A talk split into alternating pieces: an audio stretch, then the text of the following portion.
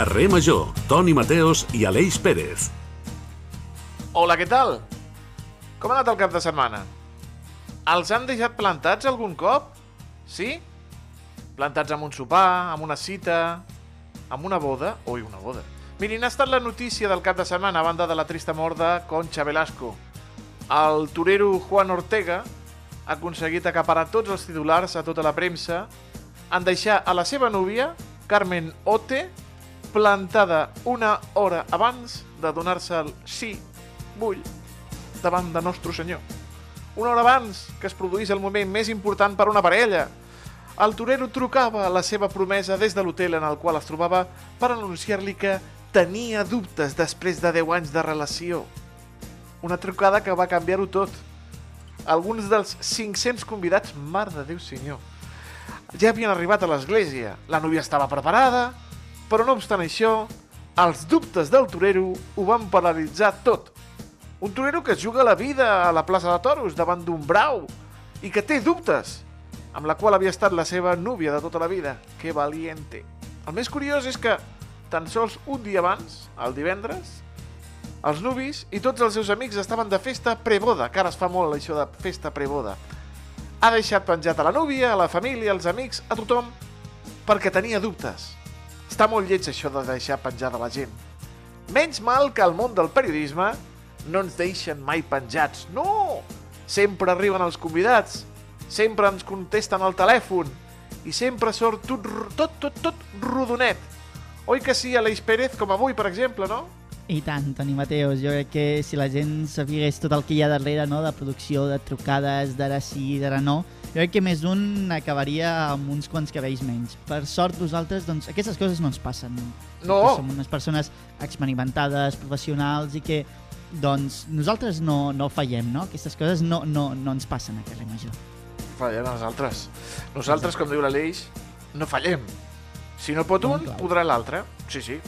Som les 8 emissores que els acompanyen cada tarda a la seva ràdio local, a la seva ràdio de proximitat. Som la nova ràdio de Reus, Altafulla Ràdio, Ona la Torre, Ràdio Montblanc, Ràdio Hospitalet de l'Infant, Ràdio La Selva del Camp, Ràdio Ciutat de Tarragona i Baix Camp Ràdio, que gràcies al nostre bombero torero particular, que és en Diego Moreno, arribem a casa seva.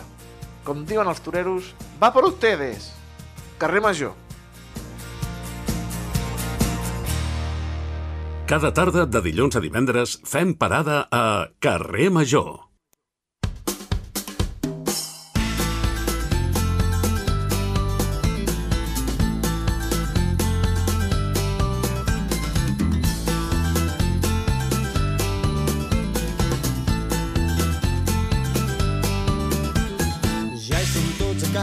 Aquesta nit és especial. La taula ja esperada per tots els comensals. No oblidem que algú se'n cuida. Que bonic.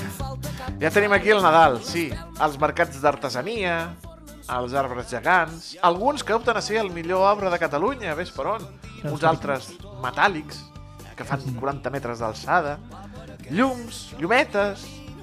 I amb aquestes dates també les tradicions i les tradicionals representacions de tota mena. A la masia de Castelló, a Vandellós, n'hi ha una de ben especial, el pessebre dels estels. Després de 26 edicions, tornen a omplir una edició més, un espai oblidat durant tot l'any. Per parlar-ne, tenim a nosaltres el seu impulsor, el senyor Santi Nomen, al qual saludem. Senyor Nomen, molt bona tarda. Hola, bones tardes a tots. Gràcies per convidar-me al vostre programa de xarxa i, i del nostre territori. I tant, i tant que sí. Senyor Nomen, què han après després d'aquestes 26 edicions anteriors del Pessebre? Uf, què he après, diu? És bona pregunta, eh? He après a, a conviure i estimar la gent, que això és important, i, i també a... Clar, també és veritat que amb 26 anys jo era molt jovenet i ara ja començo a tirar ja a l'altre costat i, i també estic més tranquil, no? Estic més tranquil amb el sentit de que hem conegut gent, ha passat molta gent dins del pessebre, que l'any passat vam, vam celebrar el 25è aniversari i vam omplir, vam, vam comptar 1.200 persones havien passat uh, a fer d'actor i, i participant, eh? Vull dir que som molta gent. I ara estem amb aquest, amb, després de la pandèmia i tot aquest tràngol que hem pogut anar passant, estem en guany, estem als 250 actors. Vull dir que déu nhi per portar tanta gent al damunt, no? i que la gent pugui tornar a gaudir del pessebre. Jo sempre dic que ells eh, viuen també una vivència. Mhm. I és important viure avui en dia amb aquest món que vivim tan ràpid i, i amb aquestes tecnologies i aquesta pressa, viure una vivència a la Masia Castelló doncs també com a actor, com a col·laborador i també com a, com a, com a, com a, el, el visitant, no? Vull dir que, que fem com un trident Llavors aquest trident és, és espectacular. Això he après, he après a, he après a estimar i he après a, a conviure amb molta gent i, i, i cada vegada vull, vull i volem, des de la Masia de Castelló volem això, intentar estar a l'alçada d'aquest món tan ràpid que vivim i que la cultura popular i, i tot això que manegem, no?, que funcioni, no? Però tirem, tirem enrere, senyor Nomen. Com va sorgir aquesta idea? Sí, Com m'ha fet una sorgir la pregunta idea molt de forta, eh? Com va sorgir aquesta idea de la, del, de la Masia Castelló de, de fer aquests pessebre dels estils? Com va sorgir? Bueno, va sorgir fa, res, eh, quasi 27 anys, no? I va sortir d'una nit, de- d'una festa de quintos, que estàvem, abans feien la festa de quintos, i, i nosaltres tenim, el nostre municipi és molt bonic perquè té mar i muntanya, i a dins del nostre, de la vall, de Vandellós, hi ha Masbuc, Marridoms, Masbuquera i Vandellós, però tenim aquest, aquest encant que l'estem començant a, a, a disfrutar, i, bueno, a disfrutar i, i a vendre, eh, que tenim cinc pobles abandonats que ara ja no estan abandonats, sinó tots tenen una mica la seva festa major, hi viu gent, però deshabitats, que es deia abans, no? no abandonats. Llavors Masia Castelló era un d'aquests, vam arribar allà i, i vam llimpiar l'era i vam ficar un ball folk d'aquella època, se'n recordeu, el ball folk. I vam fer un ball Sí, sí. i a les tantes de la nit allà al mig del carrer, hosti, això és molt bonic, és molt adíric, i aquí es podria fer coses i tal, i llavors va sorgir un grup de, de nois jovens, molt jovenets, jo tenia res, 23 anys o així, i 22, i ells tenien encara més joves que jo, amb un senyor que sempre ens ha guiat, un o dos senyors que ens van guiar molt, i ens, encara ens guien, i que, que nosaltres li diem senyors, però tenien la meva edat d'ara, saps? I, I llavors van dir, doncs bueno, tirem. Què, vam, què, què ha passat aquí? Que nosaltres el que vam fer era, fem un pessebre, gràcies al pessebre traiem uns ingressos, aquests ingressos els reinvertíem al poble, a banda que vam aconseguir tindre una, una, una subvenció del nostre ajuntament, i llavors això ho vam anar tirant amb el voluntariat, amb, bueno, ha passat aquí, aquests 25 anys han passat 27, han passat moltes coses, no? I una d'elles és que hem aconseguit eh, restaurar, restaurar, eh, consolidar no? el poble, l'han fet, eh, clar, no, quan vam entrar allà no, no es veia res perquè havia tot en runa i tal.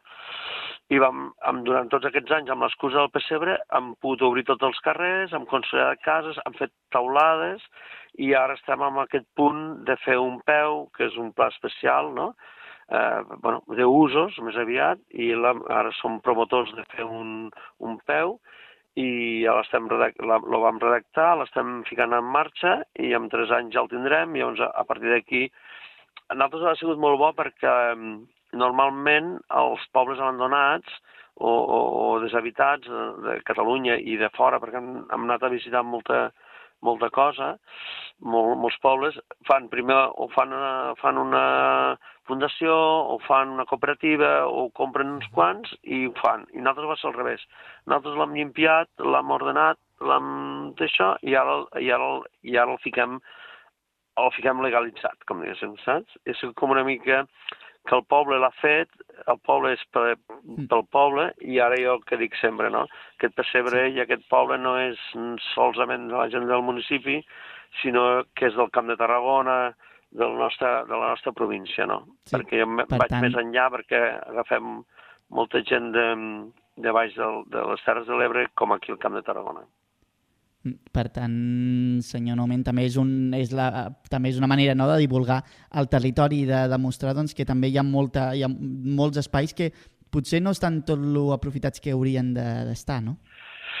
Sí, bueno, és, aquest, és la lluita aquesta meva infernal que tinc, perquè, mm, perquè nosaltres aquí al Camp de Tarragona i, a, i al Baix Camp i a, i a la província, perquè jo dic que això som de província, ara estem al balcó, que és com un balcó, perquè us veig des d'allà dalt, us veiem Tarragona, Reus, us veiem, i llavors veig que aquí, que cada vegada s'està aprofitant més, no?, perquè la gent va caminar, fa curses, fa coses, bueno, fem activitats, no?, de, de, de, de muntanya. El que passa que en el nostre municipi li falta això, un canvi de, de direcció, no?, més, més, més turística, interior, llavors aquí nosaltres estem molt lluitant amb això. Per què? Perquè li donem Mm, nosaltres, de quan vam néixer, quan érem jovenets, els, els, els, els estatuts sempre van ficar el mateix, no? Que, que preservar l'entorn, la cultura i, i, i, el, i el paisatge que tenim al, al costat, no? Llavors això ho estem seguint gràcies a, al voluntariat, gràcies a, a la gent que ens van cedir les cases i que tenim un... Tenim ara, jo sempre dic que tenim com un, un diamant en brut i que ara cada vegada eh, l'estan ficant en valor i que també el territori se l'està fent seu, que és important. Sí. Ens costarà més temps, és el que dius, no? ens costarà més temps, però crec que quan surti, no? el rovelló que quan surti fort, sí. estirà molt fort perquè el, el territori se l'estimarà, no? I això perquè... és important també a vegades. Sí perquè, senyor Nomen, parlem de la representació eh, en si, més de 40 escenaris diferents, que es diu ràpid, però darrere hi ha una feinada. Sí, bueno, portem ja... Nosaltres normalment, després de la festa major nostra, que és al setembre, eh, doncs comencem, no? Llavors ara portem ja quasi un mes i mig, ja pujant cada dia a dalt, cada cap de setmana sobretot, i llavors ja els tenim, ja ho tenim ja en guany. Jo he dit que no ha fet, no hem pogut fer molta inversió eh, al poble perquè ens vam gastar molts diners l'any passat amb els 25 aniversari, perquè ho teníem de celebrar i la gent s'ho mereixia, no? Però, però l'hem decorat molt, eh, el tenim molt viu, hem aconseguit també que han fet això, ha sigut una cosa molt, molt bonica, que han fet com un, com un qüestionari o un... Tens com... Tu et pots apuntar, no? I tots els actors s'apunten amb, un, amb un formulari i llavors amb aquest formulari pots dir els dies que pots vindre a representar el que no, perquè clar, normalment els pessebres sí. vivents no porten tanta gent, 200 i pico persones, 250, sí. no? Llavors nosaltres hem fet això. Llavors Sí, sí, això li volia comentar, senyor Nomen, perquè han avançat les dates, no? El 8 i 9 i 16 i 17 de desembre. Per què ha sorgit això? I entenc que també va relacionat amb, amb la gent, no? Sí, perquè vam... Clar, sempre ho fem per, per Sant Esteve i per Nadal, i llavors uh, uh, hi havia anys que ho fèiem per Reis, llavors així vam, vam fer com una mica d'enquesta, els sopars aquests que fem de Germanó, que, que, que, arriben a 300 persones, i vam mirar de poder canviar les dates, d'avançar-ho. Normalment els pessebres de tota Catalunya també ho fan abans, nosaltres sempre ho fem amb aquelles dates. I portem des de la pandèmia que ho estem fent uh, així, ho hem avançat. Jo crec que ens ha anat bé. L'any passat vam portar 6.000 persones. Si un bany ho tornem a consolidar, mm, voldrà dir que les dates són bones. Normalment la gent, llavors, abans de, Nadals, això també els agrada, i després de Nadals, doncs, la gent caga el tions, no sé què, doncs la gent té més, més, com a més fenya, no? I llavors al final de, el Reis era molt fluix perquè la gent ja, doncs, ja sol pensava en anar a col·legis i, i fenya i no sé, no? Sí, ja ho hem fa costa avall. consolidat aquí, sí, ho hem volgut consolidar, mirarem en guany, també hem, també hem fet que obrim mitja hora abans, l'any passat ja vam obrir mitja hora abans, perquè ho fem a les 6 de la tarda, llavors ho vam passar a les 5 i mitja, i aquest any ho passem a les 5. Per què? Perquè l'any passat com fem uns passes i tu per online pots entrar, veiem que fent durant el pessebre, durant el pessebre, eh, si obríem les sis i mitja veníem a entrada, però si obríem a les set i mitja no, obri, no veníem a entrada. Això vol dir que la gent vol vindre més aviat, no pot ser no patir tan fred, i sí que és veritat que la Masia Castelló, quan nosaltres ho vam començar, ho fem de nit perquè es veia molt els fallos, no?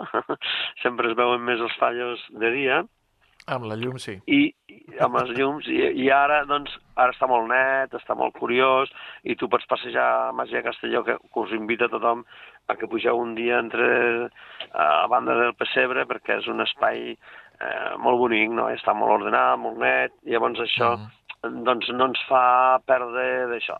Ara estem, portem unes 2.000 entrades venudes amb, així amb online, i estem veient que la gent estan comprant més l'entrada a les 5 de la tarda que les de les 7, saps? I llavors això ho hem buscat. A, a veure, a, a, tenim de ser hàbils i tenim d'entendre que, que, que la cultura i que les coses van evolucionant. I llavors hem de ser hàbils amb, amb la societat, amb el que vol, i, i, i nosaltres no, no estar ja parats, no? Allò del, del, de sempre... És que ho havíem fet sempre així. Doncs, bueno, estem d'anar canviant, no?, aquests hàbits. No, no, s'han Bueno, d'anar adaptant, s'han d'anar adaptant, a, Adaptant. als, als nous temps, sí, sí, i tant, i tant. nous temps, Però això no seria important. possible, no seria possible sense els voluntaris, no? Sí, sí, clar, clar, això és espectacular, et quedes, eh, et quedes parat, eh? es quedaríeu parat ben, un dia us invito que pugeu quan ho fem i tal, perquè veuries coses que dius, bueno, hi ha gent que s'implica molt, hi ha gent que sol un moment, però aquell moment t'ompli tant o més com aquell que s'im- s'implica doncs, tot el mes, no? És molt bo perquè llavors allí veus com són les persones, no? I veus el sentiment, veus... Ara, per exemple, hem, hem aconseguit unes 25 persones de fora del municipi, eh? Vol dir que ja tenim gent de la Ribera d'Ebre, de Reus, Tarragona, que han volgut vindre a fer de- d'actors i de voluntaris. Això, clar, pensat al començament, no?, a l'inici, això era, és que era com a dir, hòstia, estàs loco, perquè no, ningú et coneixia, saps? I ara hi ha gent que s'apunta, diu, no, no, és que... I, I els mires, els abraces, i es ficarà, doncs, de fer de, a l'escola, l'altre es ficarà no sé on, i dius, hosti, i, i s'impliquen, són un mes de tota la família, no? I dius, això és molt bo, perquè eh, t'adaptes als nous, als nous temps, dones un, bueno, dones una nova vivència al pessebre i, i dones un futur també amb, aquestes, amb aquests actes, no? I tinc d'estar aquí hàbils, tinc de ser molt hàbils, eh? Jo Mm. sempre dic el mateix, tinc de sempre inventamos coses perquè la gent funcioni. Home, a, ara, ara tenen un concurs fins i tot per xarxes socials, que ja és lo més modern, no? Sí, sí, sí, això també. Estem amb les xarxes socials. Vull dir, hem fet com un... Jo fa... Bueno, nosaltres quan vam fa un temps que vam dir que, que això tenia de ser un equip, un equip de, de gent, i al final som quasi com a tècnics, saps? Tinc gent a tot arreu eh, que em funciona tot el tema, que són com a tècnics. Ells fan... A les xarxes socials hi ha gent que, doncs, que treballa d'això i m'ajuda fent això. Uh, el tesorer també fa de tesorer, però uh, ell és tesorer, saps? I al final he fet com un grup de gent que funciona tan bé que et donen aquestes idees tan... Perquè jo sóc pintor, eh? Jo, jo sóc una rat. Eh, però et dona la sensació que tens un equip i que fa, que fa això, que, que, que l'ambient d'avui en dia o, o estàs dalt a la ona una mica, no? De la, de, de la, o ets baix, no? I que també podem ser baix, eh? no passa res però que tens adaptat molt amb aquestes noves generacions que pugen, no?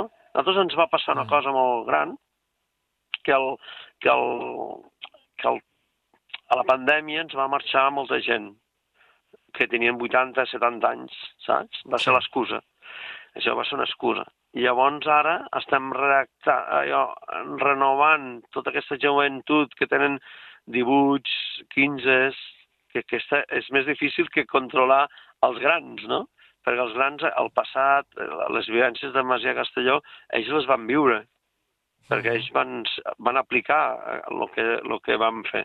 I aquests nois han vist els seus iaios que ho han fet a, a Pessebre, però ara ho estan fent ells.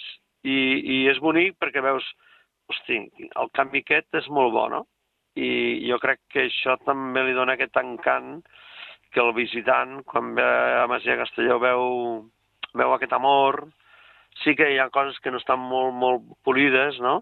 Però hi ha mo Bueno, però molts, amb, amb, molts... 25, amb, ho, ho aniran polint, ho aniran polint, i tant que sí, Sí, perquè a, sí. a, aquests dies, 8, 9, 16 i 17 de desembre, eh, tenen Mhm. aquesta oportunitat per gaudir d'aquest pessebre dels estels. Aleix, busquem un dia i baixem tots dos. Sí, tant, a convidats tots, eh? L'espai és inigualable. Sí, sí, esteu ben convidats perquè a més me sembla que no farà ni vent. Eh, aquí quan fa vent és una mica així, però ben tapadets i escolteu, em donem un caldet al, a l'entrada, eh, Ah, podeu estar pues. una hora i mitja, sí, sí, donem un caldet a l'entrada llavors al darrere, al sortir hi ha unes paradetes també d'artesania. bueno, veureu també, hi ha vivències que es poden interactuar, n'hi ha que no, hi ha que t'expliquen, bueno, és tot un... ja veureu, hi ha com una germanor molt, molt bonica. Jo aquí, des d'aquí Fantàstic. dalt, us invito a tota la província que se'l faci seu, que digui, quan vagi por ahí, que digui, escolta, nosaltres allà baix tenim un, un pessebre vivent que teniu de vindre a veure'l, i que el pessebre de la Masia Castelló és de tota la província i que la gent el disfruti, que el disfruti molt i que si vol i si vol interactuar i treballar amb aquest pessebre també hi ha les portes obertes. I tant que sí. Doncs mirin, pel, pel, per aquest pont que gairebé és un aqueducte, 8 i Sí. 9, i el 16 i el 17 de desembre, eh, tothom a aquest pessebre dels estels de la Masia de Castelló a Vandellós. Hem parlat aquesta tarda amb un dels seus impulsors, el senyor Santi Nomen, al qual li donem les gràcies per eh, acompanyar-nos aquesta tarda. Senyor Nomen, gràcies i fins la propera. Molt bé, moltes gràcies per confiar en nosaltres com sempre, com cada any, i res, una abraçada i esteu tots convidats. Gràcies, i baixarem. Gràcies, adeu. Molt bé. The dog's out!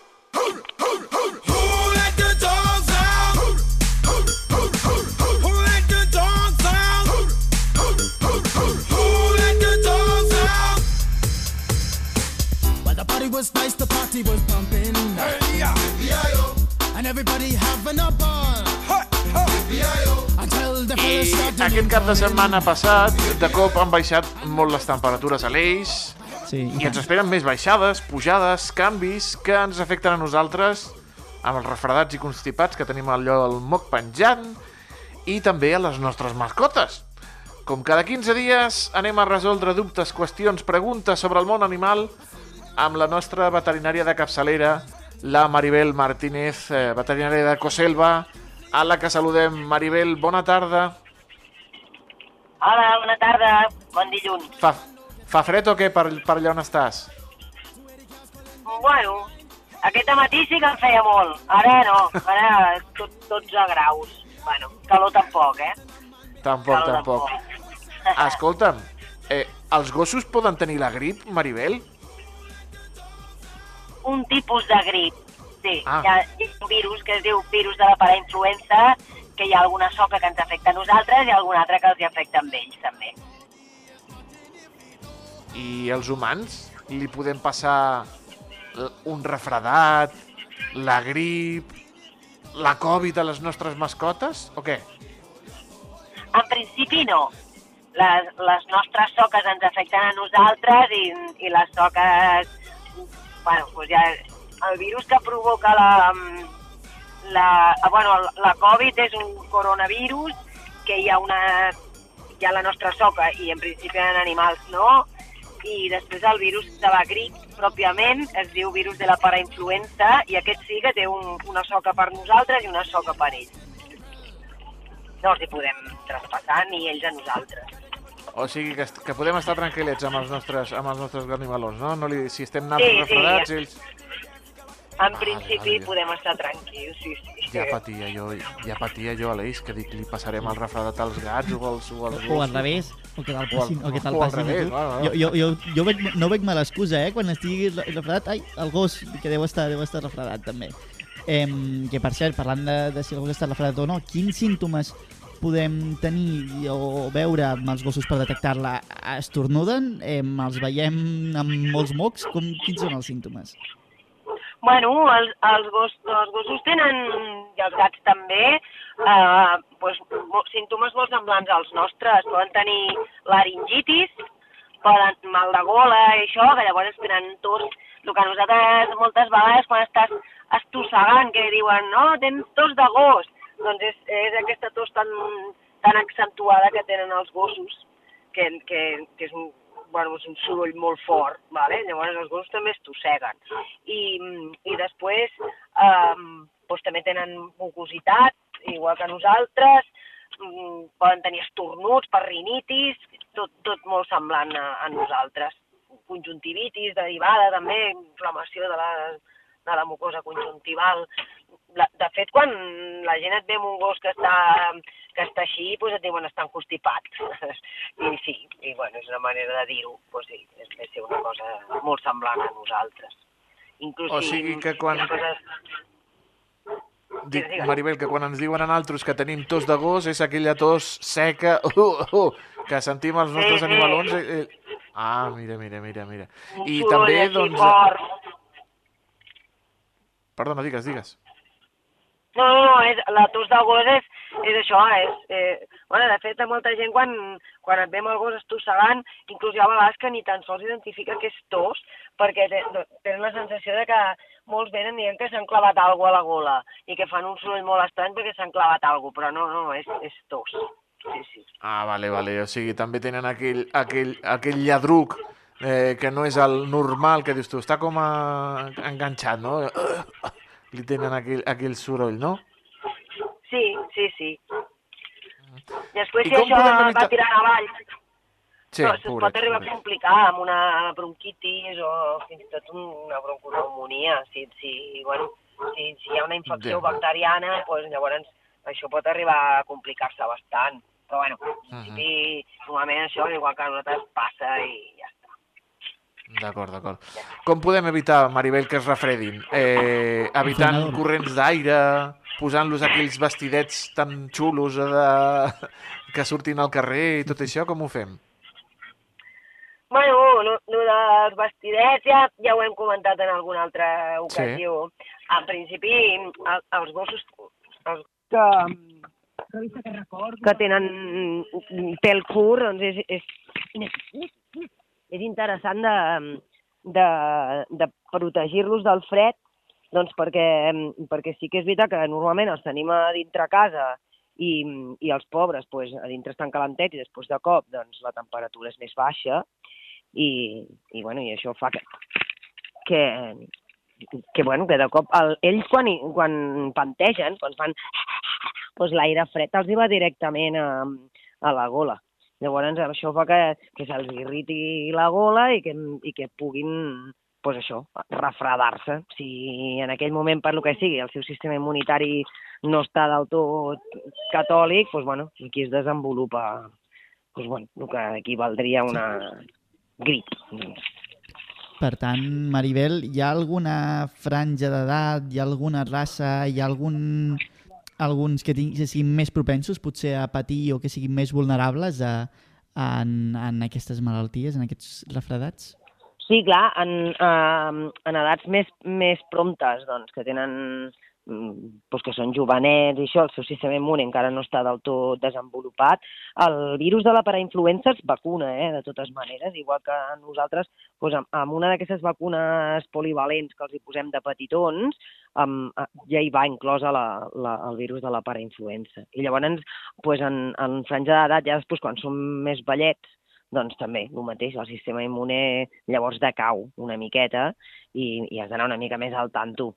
Però en principi no, no res que no féssim doncs, per nosaltres mateixos, doncs, que mm, protegir-se una miqueta dels canvis bruscos de temperatura, intentar, jo que sé, que tinguin, si, si te'n vas a caminar o el que sigui, doncs que les potes estiguin seques, perquè per les potetes és per on ells eh, es poden refredar molt i si tenen les potes mullades molt de temps i, i fa fred, doncs, doncs bueno, és una manera doncs, de poder agafar una miqueta de, pues això, baixada de temperatura i, i després pues, mocs, el mateix, igual que, que amb nosaltres. Doncs. Ma- Mon sogre sempre deia, tapa't el cap, que és per on entra el fred. Ah, sí? Hosti, això no ho sí, havia sí, això sentit deia mai. el jo. meu, el meu sogre, que em tapés el cap, que era per on entra el fred. Ara, ara, amb els gossos, per on entra el fred és per les potes, no?, pel que dius. Vaja, jo pensava que entrava pels peus, eh? Que jo quan tinc els peus També, també, congelats... però, és- bueno, Per tot arreu, jo crec. mon sogre era molt savi, eh?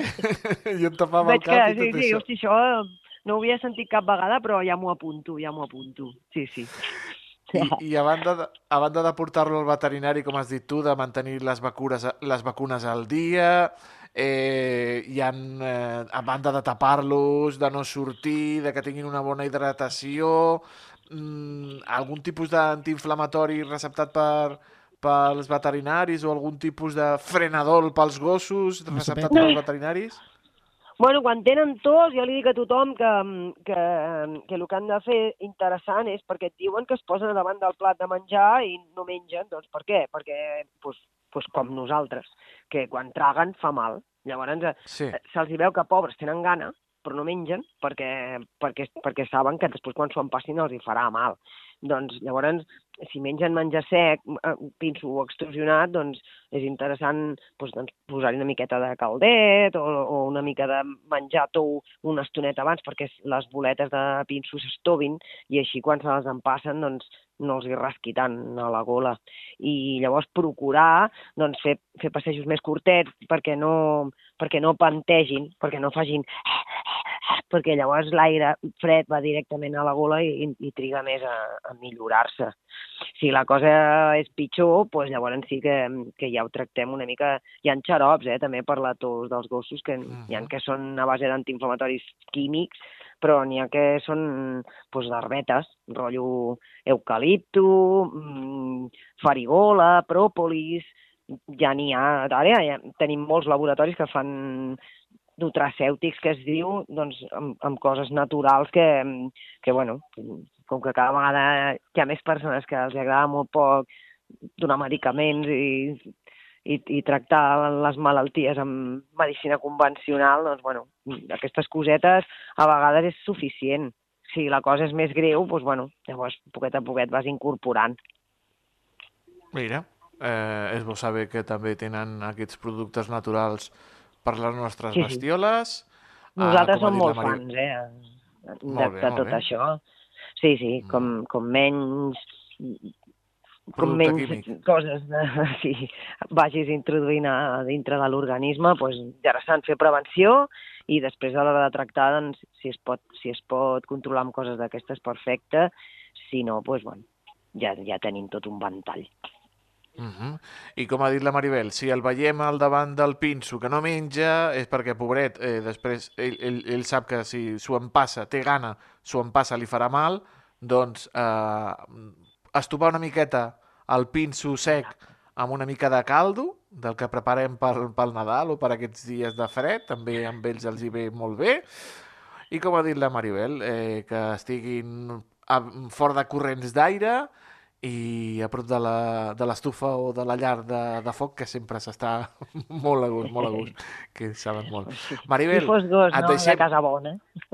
i tant, sí, la llar de foc és de casa bona. Et deixem que sentim per aquí gossos que t'estan reclamant. Sí, Eh, sí. sí. Estic Una abraçada ben gran i tornem a parlar d'aquí 15 dies, ja de cara al Nadal. Adéu. Moltes gràcies. Vinga, que Una vagi molt abraçada, bé. gràcies Maribel. A vosaltres, adéu-siau. Adéu. Estàs escoltant Carrer Major.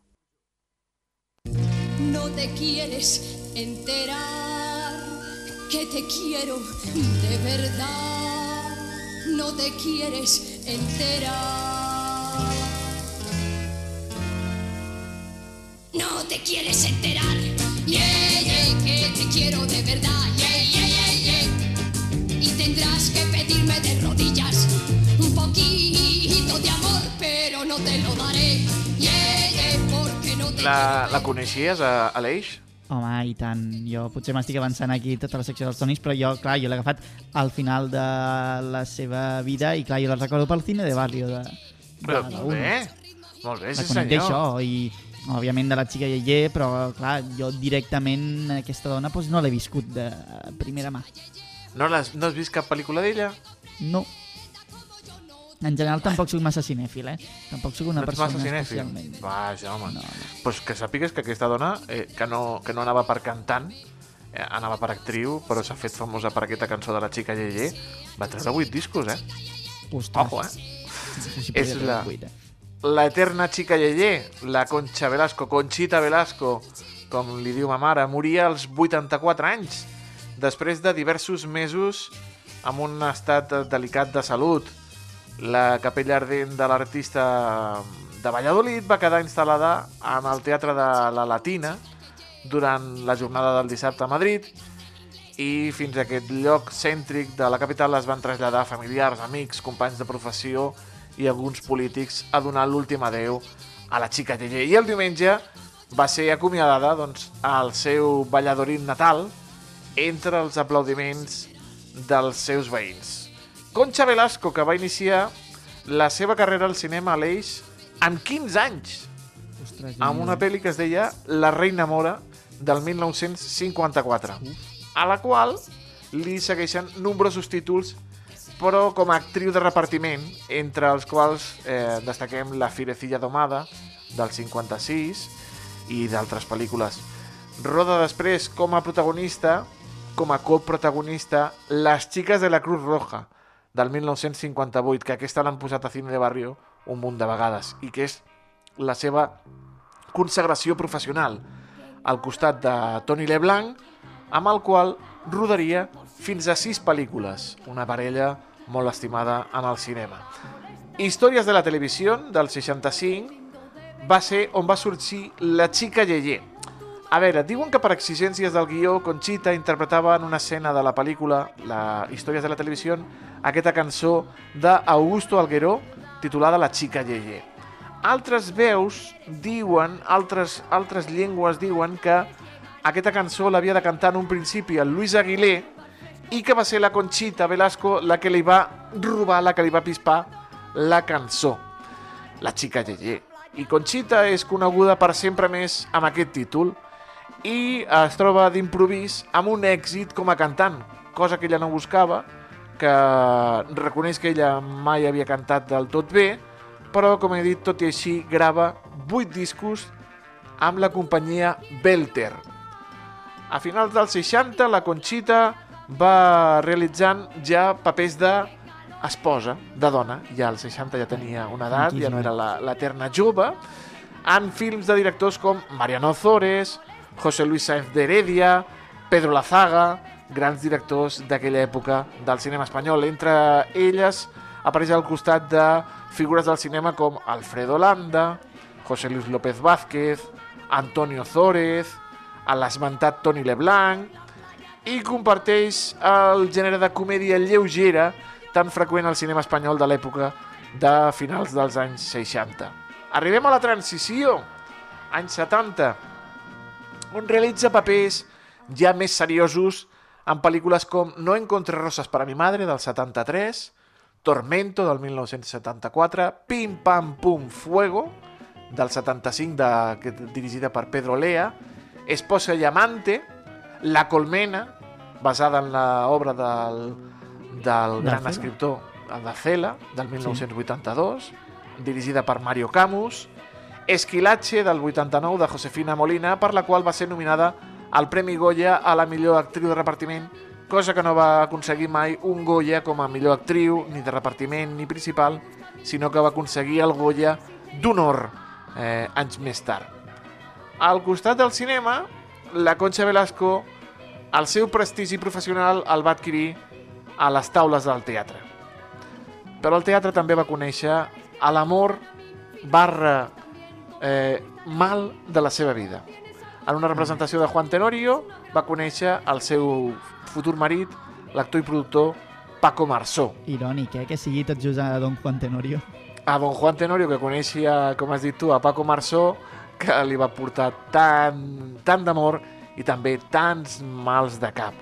En el 1999, el seu amic, l'escriptor i poeta Antonio Gala, escriu per, pròpiament per la Concha l'obra Les manzanas del viernes, una obra amb la qual obté un gran èxit i li permet eh, guanyar molts diners i embarcar-se en un projecte ambiciós que era versionar al famós musical de Broadway Hello Dolly, i ho va fer l'any 2001, amb el qual doncs, va recórrer tota Espanya amb gran èxit, però molt i molt car. El musical Hello Dolly, amb la Concha com a protagonista, va obligar-la a hipotecar el seu xalet de la Moraleja, que finalment va perdre.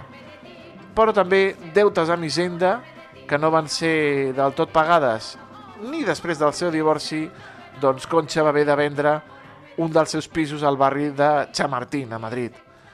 Paco Marsó va acabar reconeixent que tenia problemes amb el joc i que va haver-hi nits en les quals va perdre en el casino un milió de les antigues pessetes. Moltes nits. I Em. perdre moltes nits, un milió cada nit, pues, Pregunta de tan Millennial. Quants són un milió de pessetes? 6.000 euros. Uau. Cada nit anava perdent Au. aquest home, cada nit que anava al casino i no tenia bona nit, perdia 6.000 euros. Del teatre passem a la tele, on ja la coneixíem tots. El seu paper més reconegut a la petita pantalla li va arribar amb Teresa de Jesús, sèrie del 1984 en la qual interpretava doncs, a Santa Teresa, la santa espanyola. Després va ser presentadora de diversos programes. Al 90 va presentar l'espai musical i de varietats Viva el Espectàcul, té nom de, de Sí, de sí. varietats, i doncs, va fer diverses aparicions a televisió espanyola fins que va fitxar per les privades amb Querida Concha, de Telecinco, 1992, o el concurs Queridos Padres, també del mateix any, del 92. De Telecinco va saltar a Antena 3, a presentant el magazín Encantada de la Vida, que va ser del 93 al 94, i grava sèries com Yo Mujer a l'any 96 o Mamá quiere ser artista del 97. A més de col·laborar amb una sèrie que es va fer molt famosa que es deia Compañeros. No sé si et sona. Sí, vagament, em sona, em sona vagament. També era aquest, no?, aquest boom que van fer les teles privades en el seu Correcte. Una sèrie que va tenir molt d'èxit i que pots recuperar amb alguna d'aquestes plataformes. I a Te- Antena 3, en aquesta cadena, doncs va substituir a la popular presentadora Isabel Gemio al programa Sorpresa, Sorpresa, eh? a l'any 1999. Però la mateixa Concha va dir que eh, havia fet treballs de poca reputació en el món de la tele per poder pagar doncs, els seus ambiciosos projectes teatrals i els deutes del seu marit, del Paco Marsó, com hem dit, aficionat al joc i a les apostes i que cada nit doncs, anava perdent 6.000 euros. Si eres com... Clar, és que així no es pot. És que així Home. no es pot. Si vas perdent Home. 6.000 euros cada nit, doncs, doncs, Cada nit, home, el forat, el forat que tens és gran, eh?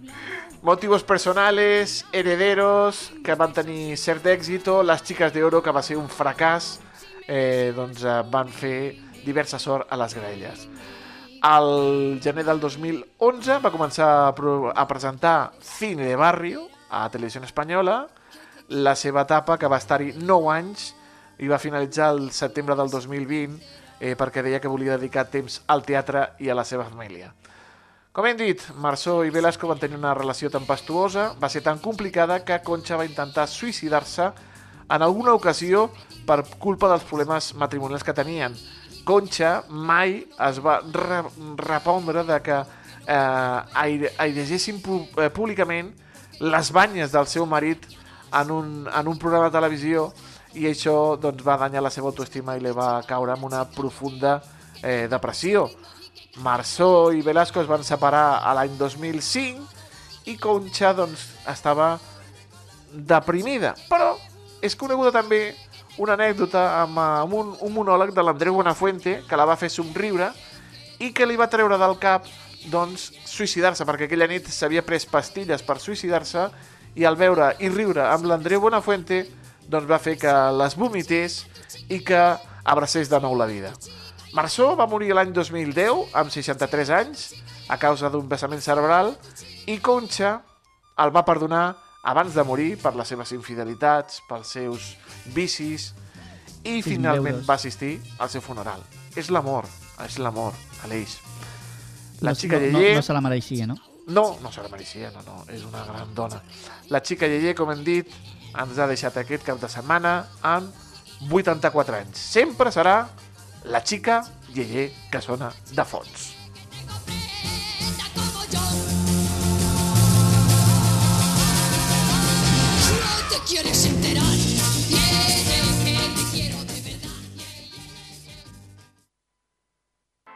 Molt lluny de casa, noves criatures, ni seny ni rauxa, res ens atura.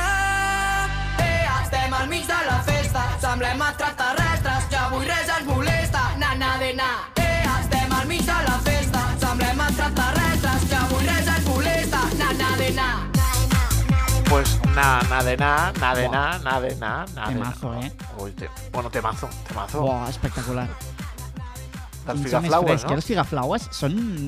són ja, ja, a veure, ja ens ho explicarà el David, que és especialista de les nostres bandes sonores del Camp de Tarragona, però és un grup que, que me l'estimo molt, els figaflaues, m'agraden molt. Sí, sí, mira, guanyadors del Sona Nou l'any passat, amb un futur meteòric, amb una carrera meteòrica, d'aquest duet de, de balls, amb aquests extraterrestres, nadena, nadena, una mica accelerat aquesta cançó, no? El, eh, és una mica pujadeta, no? El speed up. Sí. Exacte. A veure què ens diu el nostre expert, com has dit tu, el David Fernández. David, bona tarda. Hola Toni, hola Aleix, molt bona tarda. Avui tornem a fer parada a la ciutat de Valls per escoltar els Figaflaues, en aquest cas amb aquesta versió accelerada que ens presenten d'una de les seves darreres cançons. Ja sabeu que aquesta banda, que per cert va guanyar el concurs Sona Nou l'any passat i que per tant editarà ben aviat el disc com a guanyador, ara ens ha estat presentant algunes cançons noves, una d'elles era aquest Extraterrestres, que va estrenar ara fa unes setmanes, però el passat dia 24 de novembre doncs van presentar aquesta versió speed up d'aquest extraterrestres nadanar. Una pràctica que, per cert, ja van fer abans, antigament, amb el Mossego, si no m'equivoco, que també doncs, van fer una versió accelerada. Els Figaflaues han recopilat algunes dels seus darrers senzills i han editat un EP de cinc cançons que es diu Recent arriba la invitació per, i deixen així punts suspensius. Un treball en el qual han volgut aplegar doncs, aquest extraterrestres nadanar, però la versió original, Aurora, Xalalà, Diable i Mossego. Avui, doncs, mentre esperem noves composicions, ja esperem del primer disc dels Figaflaues, escoltem aquesta cançoneta, aquest Speed Up de l'extraterrestres. Són brutals. Escolta, són brutals. són molt bons, Toni. I la d'Aurora m'encanta, eh? Perquè han fet allò, un corrido mexicano, sí. però... Uh. És lo xulo, no?, d'aquest EP, que, que, han, que han una mica experimentat, no? Te- Tens una mica de bachata, tens una mica de ritmes mexicans, tens aquest punt més electrònic, no? Inclús que recorda una mica el, el, el dubstep i aquest tipus de música. Molt bé, els Figaflaues. pues mira, accelerada, accelerada, la nostra furgoneta! Ah, que ben trobat, eh? Cada vegada ho fem millor. Anem a veure on ens porta avui la Cristina Artacho. Me sembla que avui se'n va jugar al tennis. Cristina Artacho, bona tarda, per on pares? Benvinguts un dia més a la Furgo i aquest dilluns som aquí en un camp de tennis de terra batuda del Club Tenis Tarragona i ens acompanya el Marc Mas, que és el director tècnic de tennis del Club Tenis Tarragona. I parlem d'una fita molt important del club, com és l'as- la- l'ascens a la categoria absoluta femenina del Campionat d'Espanya. Com ha sigut això? Doncs la veritat és que era un objectiu que teníem aquesta temporada, d'intentar aconseguir l'ascens a primera. Ja fa pues, potser 5 o 6 anys que vam estar-hi i aquesta vegada ha sigut superaprofitosa poder ascendre i, a més, aquí a les nostres instal·lacions. Comentaves, no és la primera vegada que l'equip absolut femení puja en, en aquesta categoria. Quina importància té aconseguir aquest ascens i estar a la màxima categoria a nivell nacional? Home, per nosaltres és, és molt important. Primer de tot perquè eh, tindre aquí a la ciutat de Tarragona un equip femení a la màxima categoria, la veritat és que és, és, és important. I després per, pel club, no? El que representa el Club Tenis Tarragona. Tenim una cultura tenística de, molt important, tenim una escola tenis molt potent, que això fa que, que vegin que tinguem re- referents a dalt amb les noies. De fet, l'equip absolut femení no és l'únic que està a màxima categoria espanyola d'aquí del Club Tenis Tarragona, sinó el masculí també. Quina importància té que els dos equips absoluts estiguin a, a la màxima categoria? Pues sí, la veritat és que també tenim l'absolut masculí, que ja fa pues, com a 4 o 5 anys que s'ha consolidat en, en els primers equips de- d'Espanya, i aquest any, aquesta temporada, la veritat és que ha sigut un, una, una sorpresa molt gratificant tindre els dos equips i de cara a la temporada que ve tindre els dos a primera és una il·lusió i és molt important. Generalment, quan parlem de tennis, el relacionem amb un esport individual. En canvi, aquí estem parlant de competicions d'equips. No sé si ens pots explicar ben bé o detallar com funciona aquesta, aquesta competició. Doncs la veritat és que les competicions per equips absoluts sempre acostumen a ser a partir de, de setembre. Penseu que tots aquests jugadors i jugadores tenen un, una, un calendari de tot l'any de tornejos individuals i que cada setmana estan competint per arreu, arreu, del, arreu del món. En aquest cas, sempre acostumen a, a, a ficar els tornejos a partir de setembre, octubre, novembre, que és quan el, el volum de tornejos individuals ja baixa.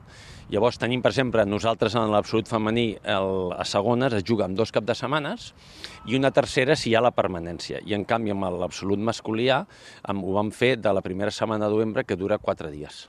Perquè aquestes jugadores o jugadors, en el cas del masculí, es dediquen exclusivament al, al tennis o és un hobby o són professionals? Bueno, podríem dir que són professionals i alguns semiprofessionals. Quan dic semiprofessionals me refereixo que tenim algunes jugadores que estan estudiant estan, i després estan fent la part de, de, de, del tennis a nivell quasi, quasi com a professionals. Aquí a Tarragona, ja parlaves abans, hi ha molta cultura tenística? Pues sí, la veritat és que sí. Ara, no- nosaltres ara estem sobre amb una, amb una escola de tennis de més de 300 alumnes i la veritat és que que ells puguin veure que tenim aquests equips absoluts per, per nosaltres és molt important. I a més, enguany també hem fet un projecte nou que és l'equip absolut masculí B, que són aquests jugadors juniors que encara no poden entrar dintre de l'equip A, que es puguin començar a foguejar doncs, amb aquests equips absoluts.